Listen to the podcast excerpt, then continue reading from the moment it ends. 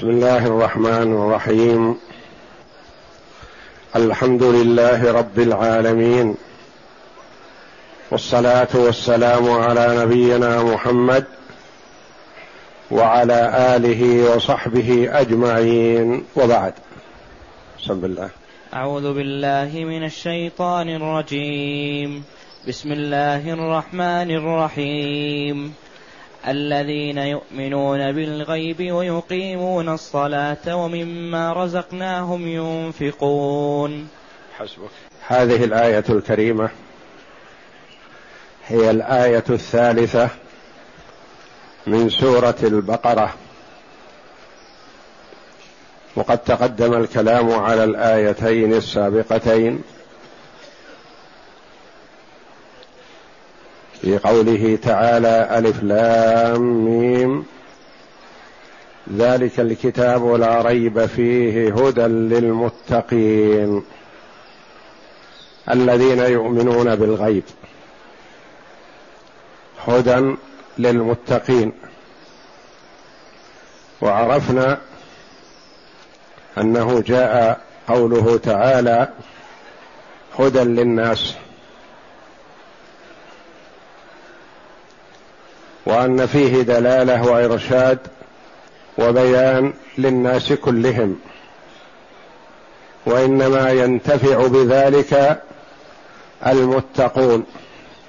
من اتقى الله جل وعلا انتفع بهذا القرآن.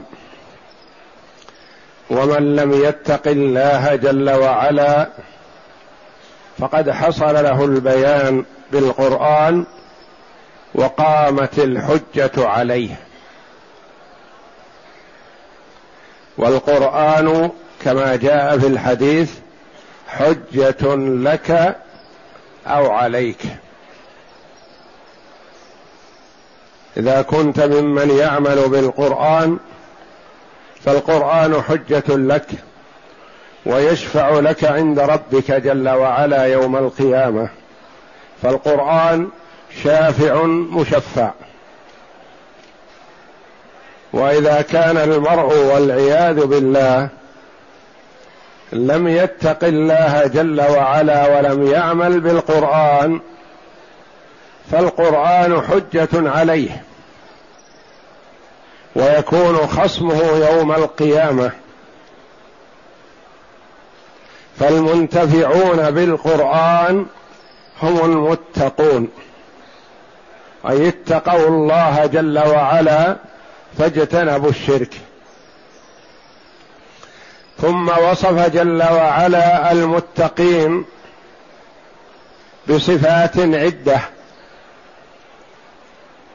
بقوله الذين يؤمنون بالغيب هذه صفة. ويقيمون الصلاة هذه ثانية. ومما رزقناهم ينفقون هذه ثالثة وستأتي البقية إن شاء الله. الصفة الأولى الذين يؤمنون بالغيب. ما المراد بالغيب؟ أقوال للمفسرين رحمهم الله. أقوال عدة وكلها ترجع إلى معنى واحد وهو الإيمان بالله وملائكته وكتبه ورسله واليوم الآخر وبالقدر خيره وشره. الإيمان بالغيب المراد بالغيب ما غاب عن الأعين. فيه غيب وفيه شهادة. شخص يخبرك عن أمر لم تطلع عليه أنت ولم تعلم عنه. هذا غيب. شخص يخبرك عن شيء قد شاهدته أنت ورأيته. هذا شهادة. فالايمان بالغيب يعني ما غاب عن الأعين مما يجب الإيمان به. قال بعضهم الإيمان بالغيب الغيب الله جل وعلا الإيمان بالله لأن المرء لم يشاهده.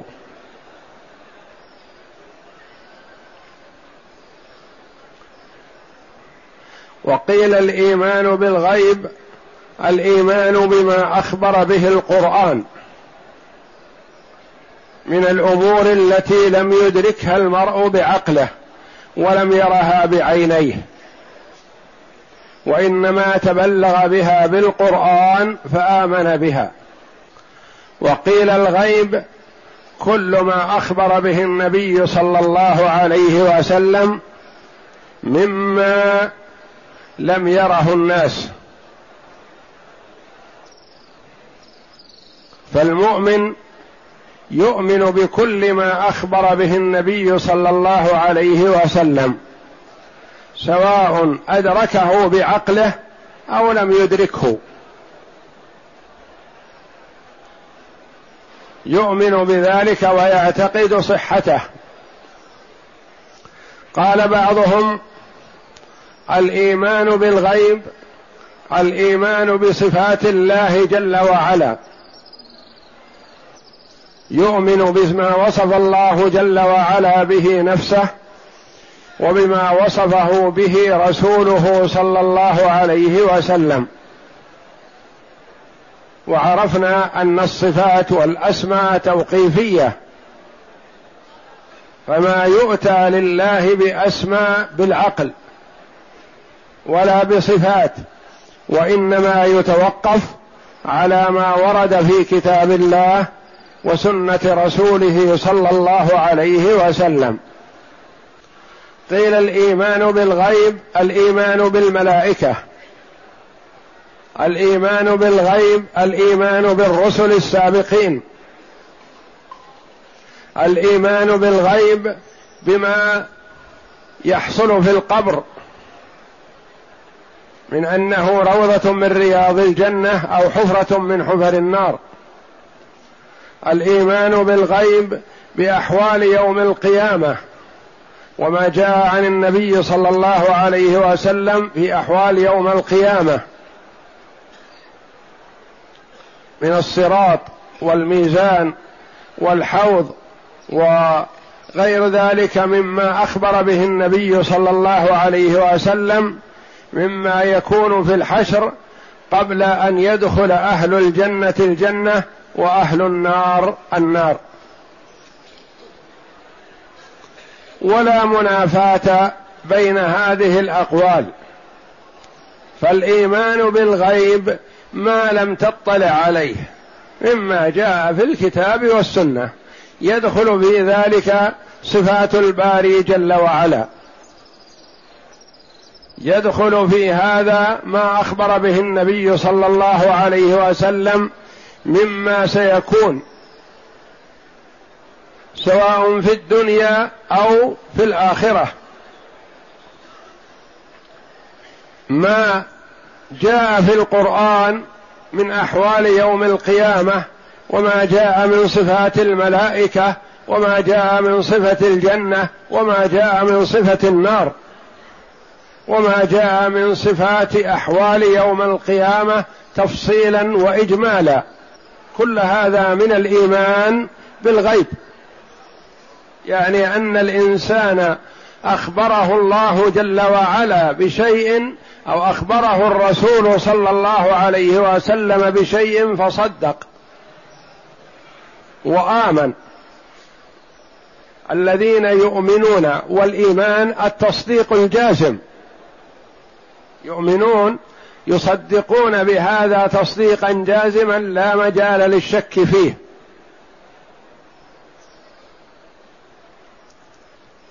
فقد قال إخوة يوسف لأبيهم عليه الصلاة والسلام وما أنت بمؤمن لنا أي وما أنت بمصدق لنا فيما نقوله.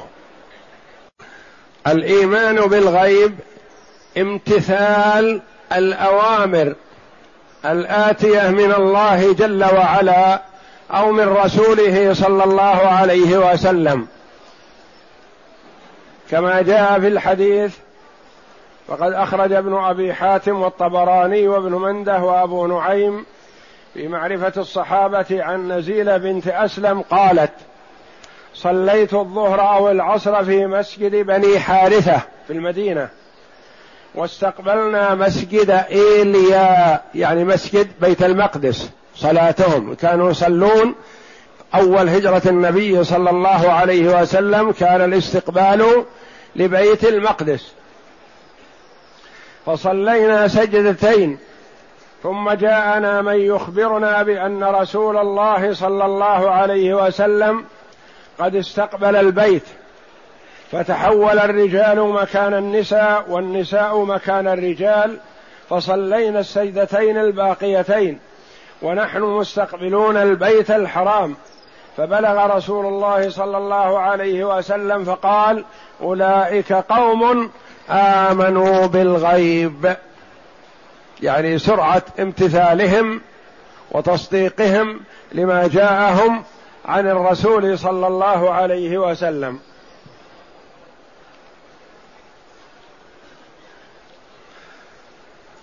وأخرج البزار وأبو يعلى والحاكم وصححه عن عمر بن الخطاب رضي الله تعالى عنه قال كنت جالسا مع النبي صلى الله عليه وسلم قال أنبئوني بأفضل أهل الإيمان إيمانا.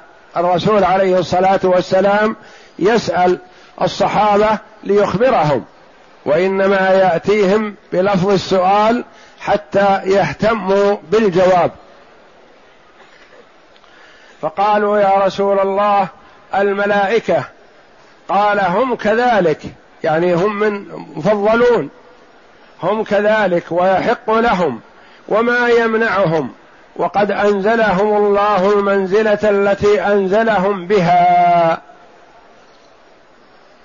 قالوا يا رسول الله الأنبياء الذين أكرمهم الله برسالته ونبوته قال هم كذلك ويحق لهم وما يمنعهم وقد أنزلهم الله المنزلة التي أنزلهم بها. قالوا يا رسول الله الشهداء الذين استشهدوا مع الأنبياء قال هم كذلك وما يمنعهم وقد أكرمهم الله بالشهادة. قالوا فمن يا رسول الله؟ يعني ما وفقهم النبي صلى الله عليه وسلم على كل من ذكروا. قالوا فمن يا رسول الله؟ قال قوم في أصلاب الرجال يأتون من بعدي يؤمنون بي ولم يروني ويصدقوني ولم يروني يجدون الورق المعلق فيعملون بما فيه فهؤلاء أفضل أهل الإيمان إيمانا. يعني لهم فضل عظيم حيث أنهم هؤلاء آمنوا بالرسول صلى الله عليه وسلم ولم يروه. جعلنا الله وإياكم منهم. وأخرج ابن أبي شيبة في مسنده عن عوف بن مالك قال قال رسول الله قال رسول الله صلى الله عليه وسلم يا ليتني قد لقيت إخواني. قالوا يا رسول الله ألسنا إخوانك؟ قال بلى ولكن قوم يجيئون من بعدكم يؤمنون بي ايمانكم ويصدقوني تصديقكم وينصروني نصركم فيا ليتني قد لقيت إخواني. يعني قوم جاءوا بعد الصحابة لم يروا النبي صلى الله عليه وسلم فآمنوا وصدقوا. وعن أبي جمعة الأنصاري قال قلت يا رسول الله هل من قوم أعظم منا أجرا؟ آمنا بك واتبعناك قال ما يمنعكم من ذلك؟ ورسول الله صلى الله عليه وسلم بين أظهركم يأتيكم بالوحي من السماء بل قوم يأتون من بعدكم يأتيهم كتاب الله بين لوحين فيؤمنون بي ويعملون بما فيه أولئك أعظم منكم أجرا.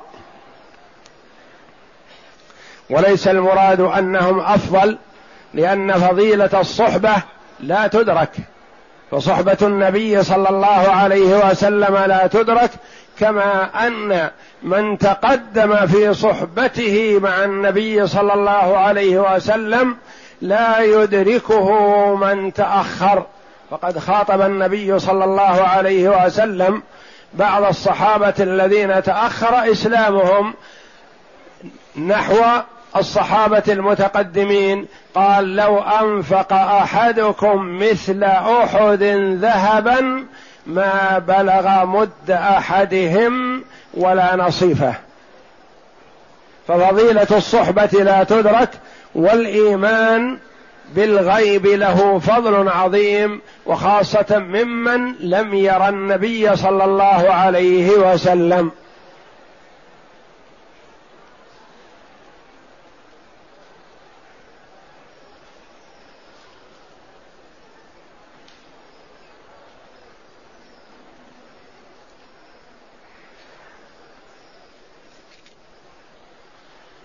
ذكر الحافظ ابن حجر في فتح الباري كلاما مفيدا في هذا في حديث عمر بن الخطاب رضي الله عنه المتقدم باعتبار ما ورد في الصحابة وحاصله أن فضيلة الصحابة لا يعدلها عمل لمشاهدة رسول الله صلى الله عليه وسلم ومجرد زيادة الأجر لا يستلزم أفضلية غير الصحابة على الصحابة.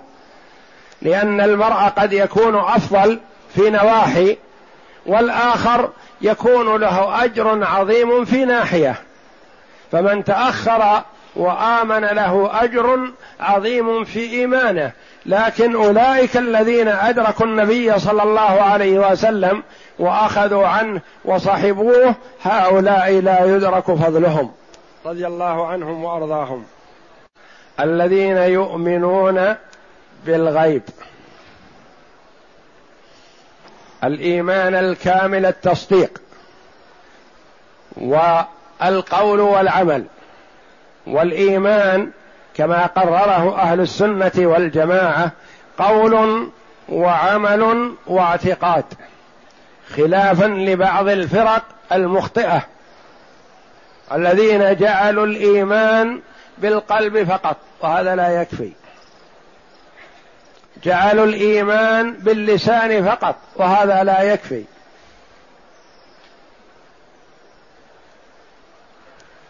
فمنهم من قال الإيمان إيمان القلب عمل أو لم يعمل وهذا خطأ. ومنهم من قال الإيمان القول إذا قال الإنسان بلسانه شهادة لا إله إلا الله وأن محمدا رسول الله دخل في الإيمان. أهل السنة والجماعة يقولون الإيمان قول باللسان وعمل بالأركان واعتقاد بالجنان. يزيد بالطاعة وينقص بالعصيان. فالإيمان يزيد وينقص. لأن المرء كلما أقبل على الله واجتهد في الطاعات زاد إيمانه والذين اهتدوا زادهم هدى. إنهم فتية آمنوا بربهم وزدناهم هدى. وبعض الصحابة رضي الله عنهم يقول لبعض تعالى نزدد إيمانا يعني نتذاكر في طاعة الله. ونثني على الله جل وعلا بما تفضل علينا به من الإيمان والقرآن والرسول فيزداد إيماننا بهذا. تعالى نزدد إيمانا. فالإيمان قول وعمل واعتقاد. قول شهادة لا إله إلا الله وأن محمدا رسول الله. وعمل الصلاة. والصيام والزكاة والحج. والله جل وعلا سمى الصلاة إيمانا. وما كان الله ليضيع إيمانكم يعني صلاتكم إلى بيت المقدس. لما نزل تحويل القبلة من المسجد الأقصى إلى بيت إلى البيت الحرام فتحول النبي صلى الله عليه وسلم والصحابة. الصحابة رضي الله عنهم تأسفوا على إخوان لهم ماتوا ما استقبلوا البيت الحرام وإنما كانت صلاتهم إلى المسجد الأقصى.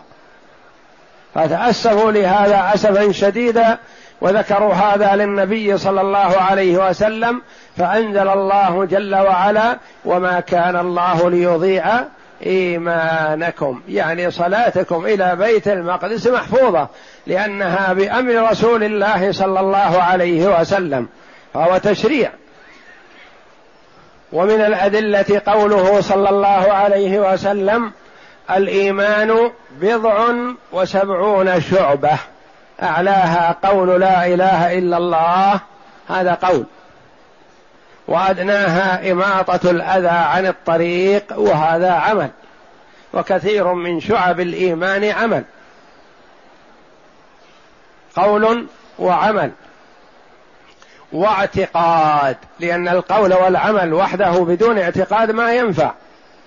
لأن المنافقين مع النبي صلى الله عليه وسلم يقولون ويعملون لكن ما يعتقدون.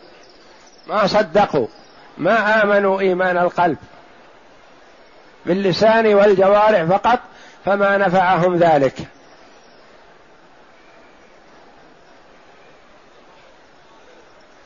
فلا بد من إيمان القلب وعمل الجوارح وقول اللسان بهذا يكتمل الإيمان. قد يكتفى بالاعتقاد والقول بدون عمل إذا لم يتمكن المرء من أداء العمل. كما حصل لبعض الصحابة ولغيرهم من الناس يؤمن بالله ثم يستشهد أو يموت قبل أن يعمل. فإيمانه بقلبه يكفيه لأنه ما تمكن من العمل وتركه. أما ادعاء الإيمان بالقلب بدون عمل فهذا كذب. مع تمكنه من العمل. بعض الزنادقة يقول أنا محب لله جل وعلا وقلبي طيب وقلبي نظيف. فنقول ادعاءك هذا كذب برهم عليه بالأدلة. ما عنده براهين ما يدلل عليه بعمل صالح.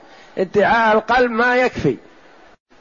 قال بعض السلف من عبد الله بالحب تزندق فهو زنديق. ومن عبد الله بالخوف فهو حروري يعني من الخوارج. ومن عبد الله بالرجاء فهو مرجع. والمؤمن يعبد الله جل وعلا بالحب والخوف والرجاء. فالإيمان قول وعمل واعتقاد. الذين يؤمنون بالغيب يكون عندهم التصديق الكامل والإيمان بما أخبر به النبي صلى الله عليه وسلم مما غاب عنهم سواء أدركته عقولهم أو لم تدركه. يؤمنون بما جاء عن الله على مراد الله ويؤمنون بما جاء عن رسول الله على مراد رسول الله. اقرأ. الإيمان في اللغة يطلق على التصديق المحض كما قال تعالى يؤمن بالله ويؤمن للمؤمنين. وكما قال إخوة يوسف لأبيهم وما أنت بمؤمن لنا بمؤمن لنا ولو كنا صادقين. وكذلك إذا إذا استعمل مقرونا مع الأعمال إلا الذين آمنوا وعملوا الصالحات. فأما إذا استعمل مطلقا فالإيمان المطلوب لا يكون إلا اعتقاد وقول وعمل. وهكذا وهذا ذهب أكثر الأئمة. قد يذكر الإيمان والعمل الصالح معا. وقد يذكر أحدهما دون الآخر. فإذا ذكر معا فالمراد بالإيمان عمل القلب والعمل الصالح عمل الجوارح. وإذا ذكر أحدهما شمل الاثنين شمل عمل القلب وعمل الجوارح. قيل عمل صالح ما يصح أن يكون صالح إلا إذا كان نابع عن اعتقاد صحيح وعمل بالجوارح. وقيل إيمان لا يكون إيمان إلا بعمل. وحكاه الشافعي وأحمد أن الإيمان قول وعمل يزيد وينقص وقد يزيد وينقص. يعني كلما اجتهد المسلم في الطاعات زاد إيمانه ورغبته في الخير ومحبته لذلك وانشراح صدره للطاعة وحرصه عليها. وكلما وقع المرء في المعصية نقص إيمانه لكن المعصية ما تخرجه من الإيمان. ولا تخرجه من الإسلام. على طريقة الخوارج يقولون إذا وقع في المعصية كفر. وهو خالد مخلد في النار.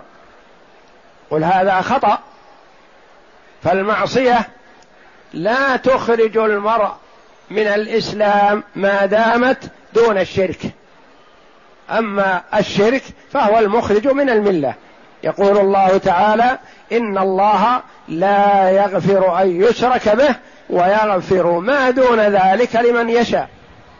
فما دون الشرك داخل تحت مشيئة الله جل وعلا. نعم. وأما الغيب المراد به هنا فقد اختلفت عبارات السلف فيه فقال أبو العالية يؤمنون بالله وملائكته وكتبه ورسله وجنته ولقائه وبالحياة بعد الموت فهذا غيب كله. وقال السدي عن ابن عباس وابن مسعود الغيب ما غاب عن العباد من أمر الجنة وأمر النار وما ذكر في القرآن. وقال عطاء من آمن بالله فقد آمن بالغيب. من آمن بالله فقد آمن بالغيب.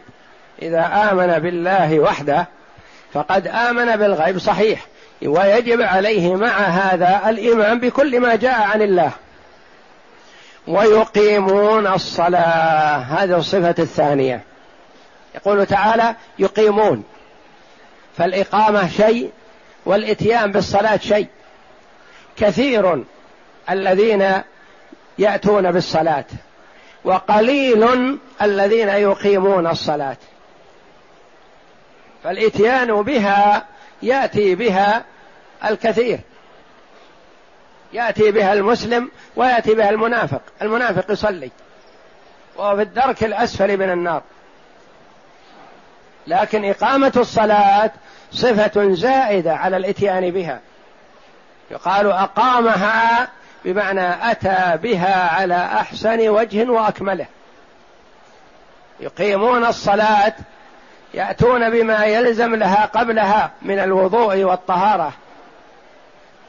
يقيمون الصلاة يؤدونها بحضور قلب يطمئنون فيها بركوب الركوع والسجود والقراءة يتدبرون القراءة يستحضر عظمة من هو واقف بين يديه يستشعر بأنه حينما يدخل في الصلاة واقف بين يد يدي الله جل وعلا فلا ينصرف بفكره وقلبه إلى شيء ما.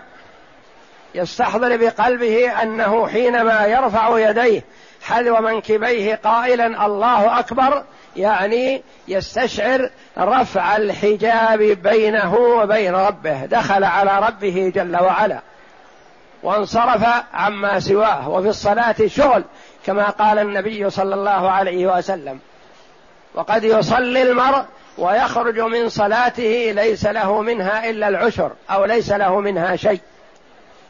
يخرج من صلاته وليس له إلا نصفها إلا ثلثها إلا ربعها إلا خمسها. حتى قال صلى الله عليه وسلم وليس له إلا عشرها.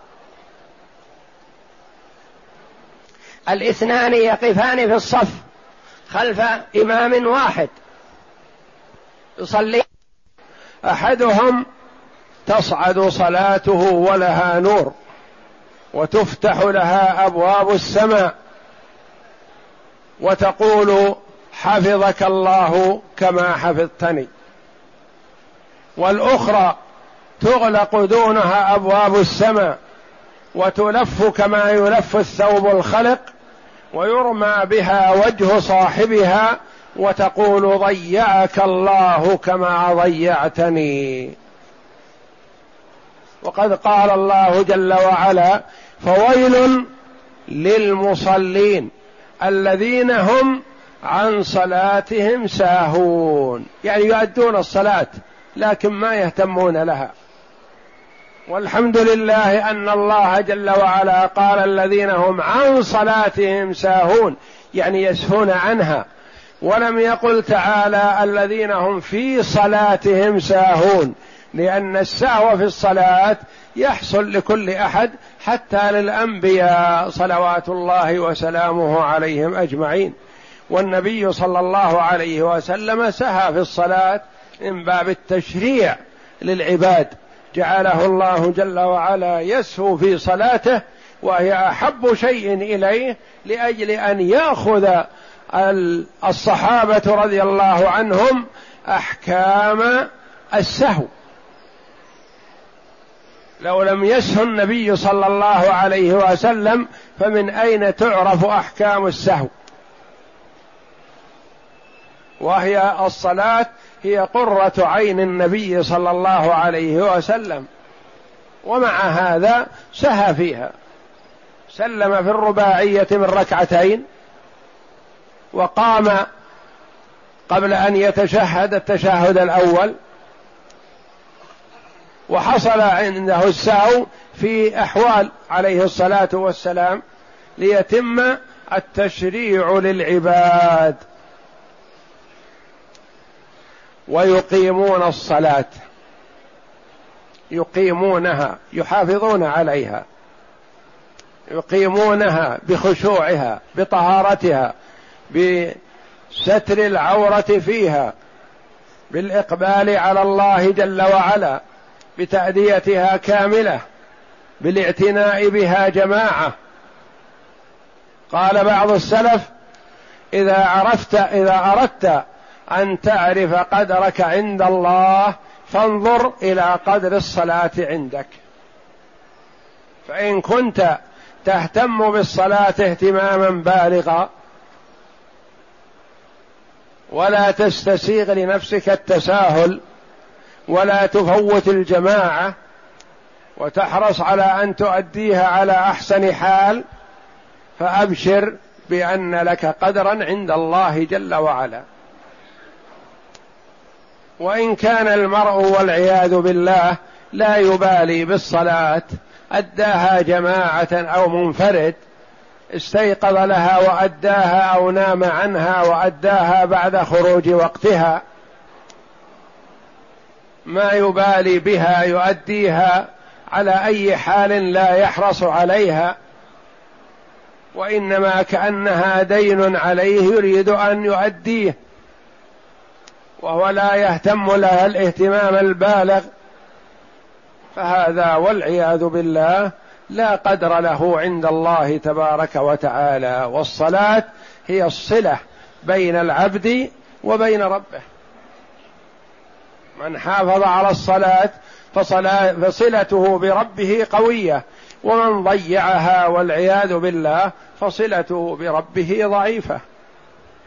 والصلاة هي أهم أركان الإسلام بعد شهادة أن لا إله إلا الله وأن محمدا رسول الله. وهي أول ما يحاسب عنه العبد يوم القيامة.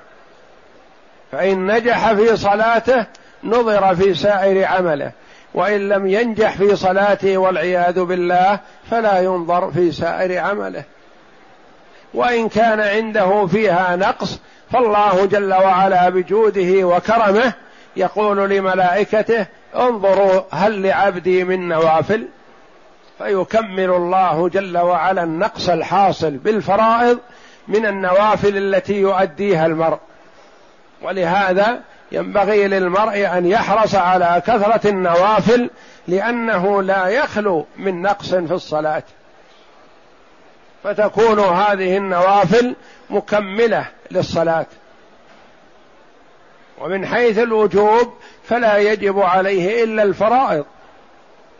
والسائل الذي سأل النبي صلى الله عليه وسلم ماذا عليه من الصلوات قال خمس صلوات في اليوم والليلة. قال هل علي غيرها؟ قال لا إلا أن تطوع. وسأل عن بقية أركان الإسلام فأخبره النبي صلى الله عليه وسلم عما هو واجب عليه. فحلف والله والذي بعثك بالحق لا أزيد على هذا ولا أنقص. فقال له النبي صلى الله عليه وسلم أفلح إن صدق. فإذا أتى بالفرائض كاملة كما حلف هذا الرجل لا يزيد ولا ينقص.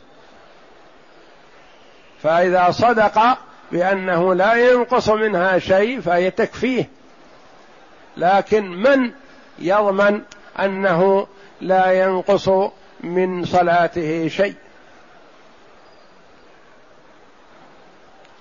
والنبي صلى الله عليه وسلم جعل الصلاة هي الفاصل بين الإسلام والكفر. العهد الذي بيننا وبينهم الصلاة فمن تركها فقد كفر. بين الرجل وبين الكفر أو الشرك ترك الصلاة. والله جل وعلا يقول فإن تابوا وأقاموا الصلاة وآتوا الزكاة فخلوا سبيلهم لا تقاتلوهم.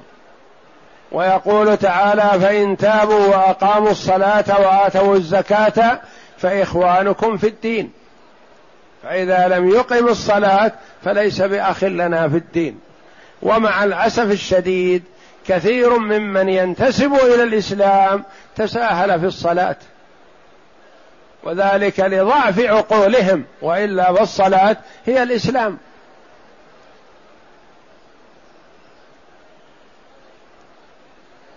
يقال عن الرجل مسلم فإذا قيل أهو يصلي قيل لا.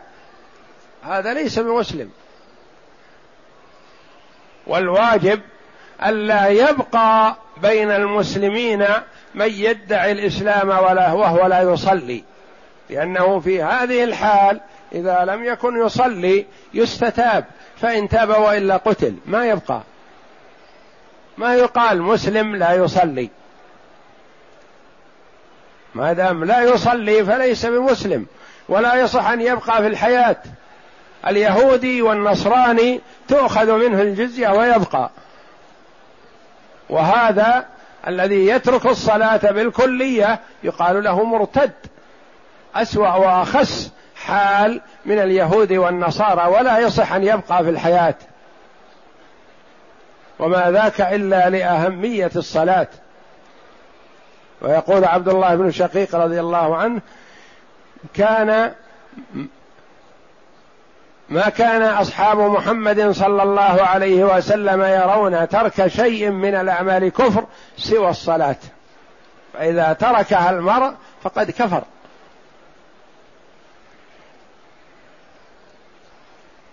والصلاة هي قرة عين النبي صلى الله عليه وسلم وراحة قلبه. كان إذا حزبه أمر أو اشتد عليه الكرب صلوات الله وسلامه عليه قال أرحنا يا بلال بالصلاة. ويقول عليه الصلاة والسلام حبب إلي من دنياكم الطيب والنساء وجعلت قرة عيني في الصلاة. وذلك أن العبد يقف بين يدي ربه يناجي ربه يسأل ربه ما أحب من خيري الدنيا والآخرة. يرتل كلام الله ويكرر الثناء على الله جل وعلا وتسبيحه. سبحان ربي العظيم سبحان ربي الأعلى. سمع الله لمن حمده الله أكبر. فهو مع الله جل وعلا في جميع أحواله في الصلاة. فحري بالمرء العاقل الذي يريد سعادة نفسه في الدنيا والآخرة أن يجعل الصلاة أهم شيء عنده.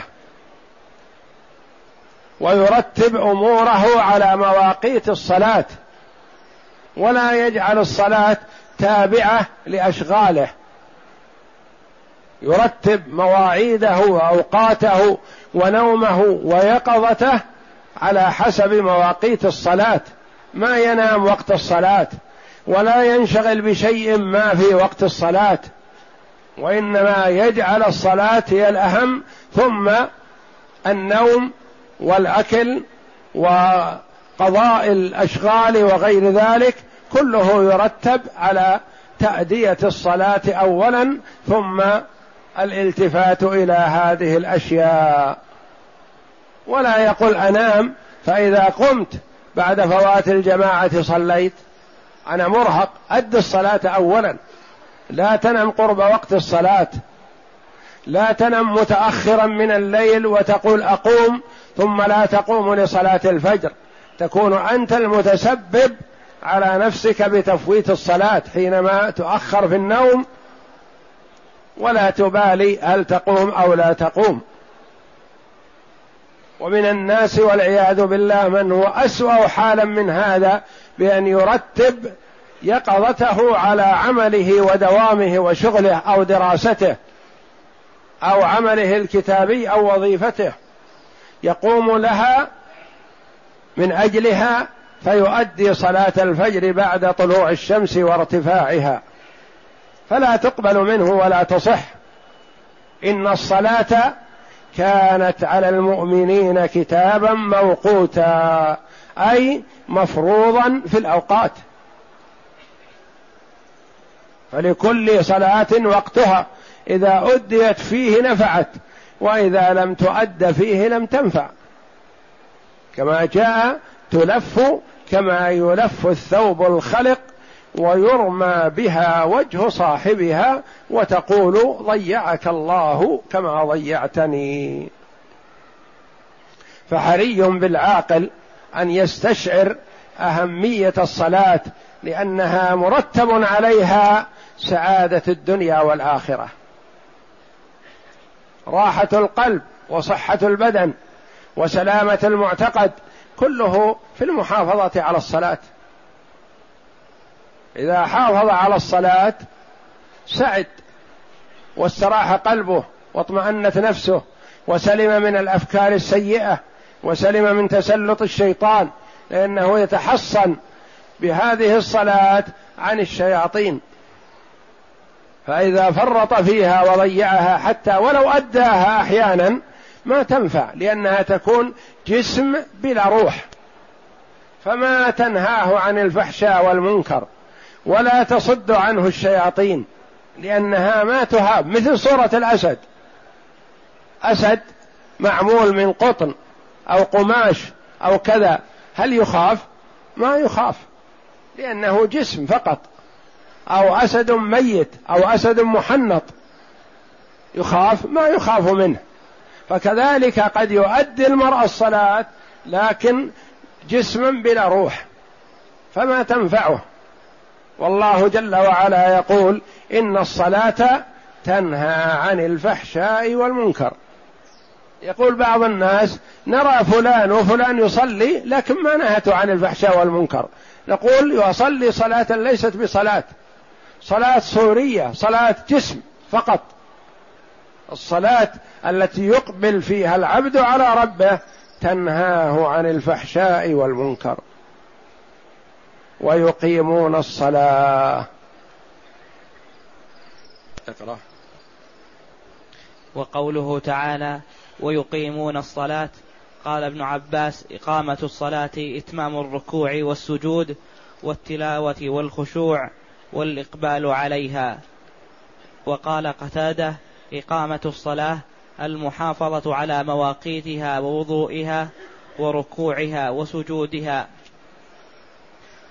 وأصل الصلاة في كلام العرب الدعاء. وصل عليهم إن صلاتك سكن لهم أي ادعو لهم. الصلاة في اللغة الدعاء. الصلاة في اللغة لغة العرب الدعاء. ولما سئل النبي صلى الله عليه وسلم هل بقي من بر أبوي شيء بعد موتهما قال نعم. الصلاة عليهما. الصلاة بمعنى الدعاء. تدعو لهما. نعم. وقوله تعالى ومما رزقناهم ينفقون. ومما رزقناهم ينفقون. مما أعطيناهم. مما رزقناهم. فيها لطائف. ولفت نظر. ومنه وكرم من الله جل وعلا. اولا قال ومن ما رزقناهم. ما قال وينفقون ما أعطيناهم. قال منه. الله جل وعلا أعطى الجزيل ويطلب ويأمر بإنفاق اليسير. الزكاة في النقدين ربع العشر. الزكاة في عروض التجارة ربع العشر. الزكاة في الخارج من الأرض نصف العشر فيما سقي بمؤونة والعشر بما سقي بلا مؤونة.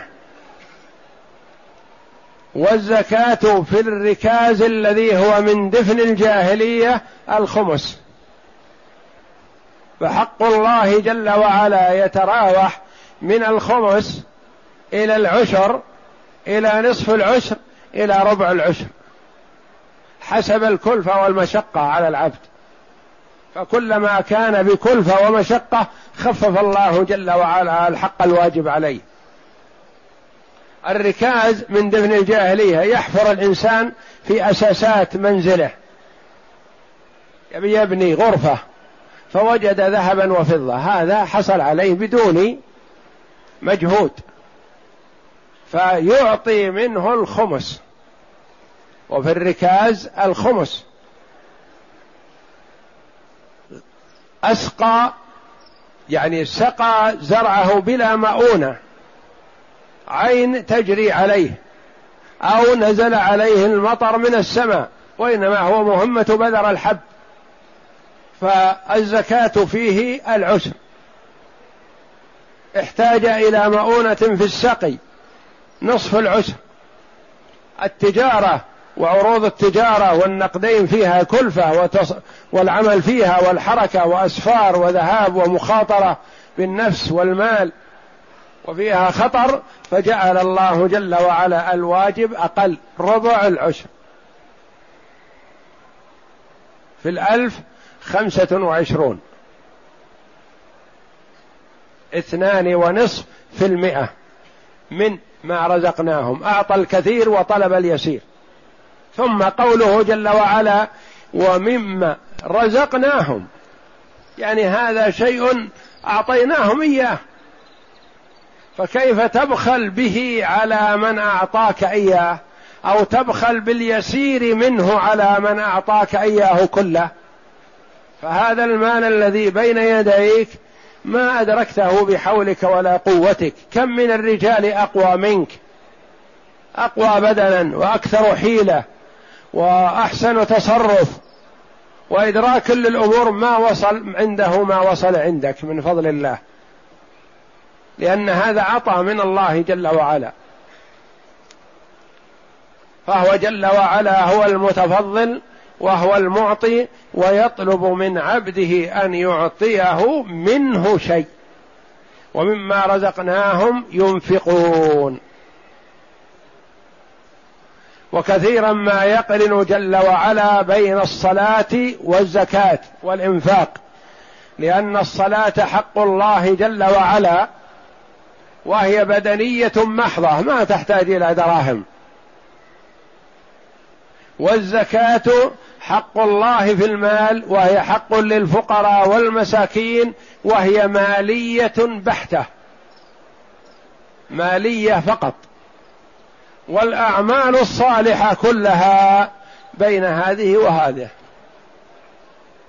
قد تكون بدنية وقد تكون مالية وقد تكون بدنية مالية كالحج مثلا.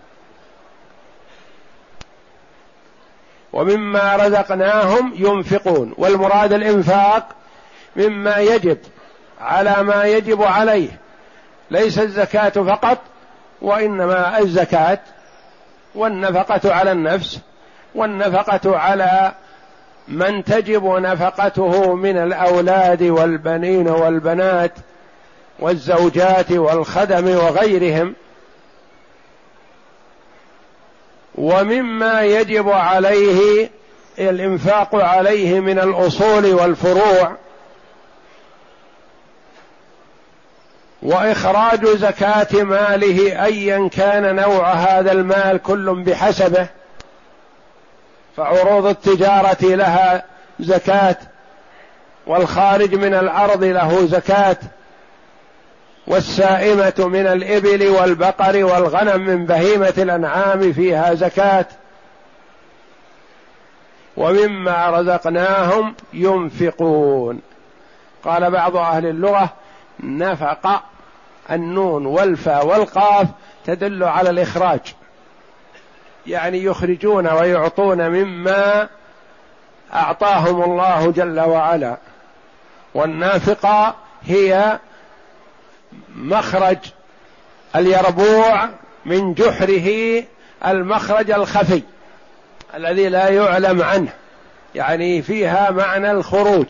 نفق بمعنى خرج.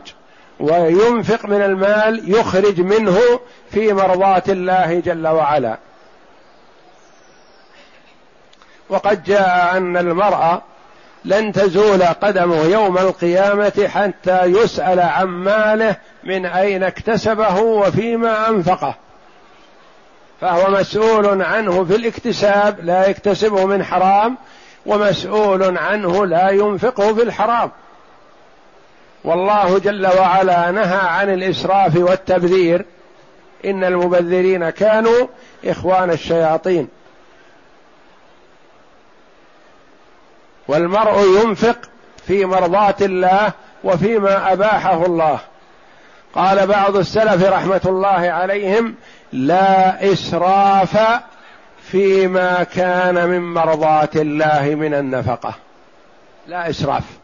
ما دام في مرضاه الله فلا إسراف. وكيف هذا؟ لأن النبي صلى الله عليه وسلم لما حث على الصدقة قام أبو بكر رضي الله عنه وجاء بكل ماله. وجاء عمر بنصف ماله. ولم يعتبر النبي صلى الله عليه وسلم هذا إسراف بل تنافس وتسابق في الخير. فالإنفاق في مرضات الله لا إسراف فيه وإنما الإسراف في المباحات إذا زادت عن الحاجة. والإسراف في المحرم وإن كان شيء قليل. حتى لو أنفق ريال في الحرام يكون يعتبر إسراف ويحاسب عنه ويسأل عنه يوم القيامة. ومما رزقناهم ينفقون. ودليل على أن المرء متعبد كما هو متعبد في صلاته لله تبارك وتعالى فهو متعبد في ماله. ما يقول هذا مالي أعمل فيه كما شئت. لا أنت مأمور منهي مقيد موجه. ما تتعامل بالحرام ولا تنفق المال في الحرام ولا تمنع الواجب. ومما رزقناهم ينفقون. امتدحهم الله جل وعلا بهذه الصفات العظيمة الإيمان والصلاة والانفاق المال. قال بعض العلماء الأعمال الصالحة ترجع إلى ثلاثة عمل القلب وعمل الجوارح والمال. عمل المال العمل المالي. كلها اجتمعت في هذه الصفات الثلاث. الإيمان عمل القلب. الصلاة عمل الجوارح. الإنفاق من المال الإنفاق المالي. الإعطاء من المال. والعطاء من المال دليل على الإيمان وعلى أن قلبه زكي طاهر وأن عمله الصالح صحيح مقبول.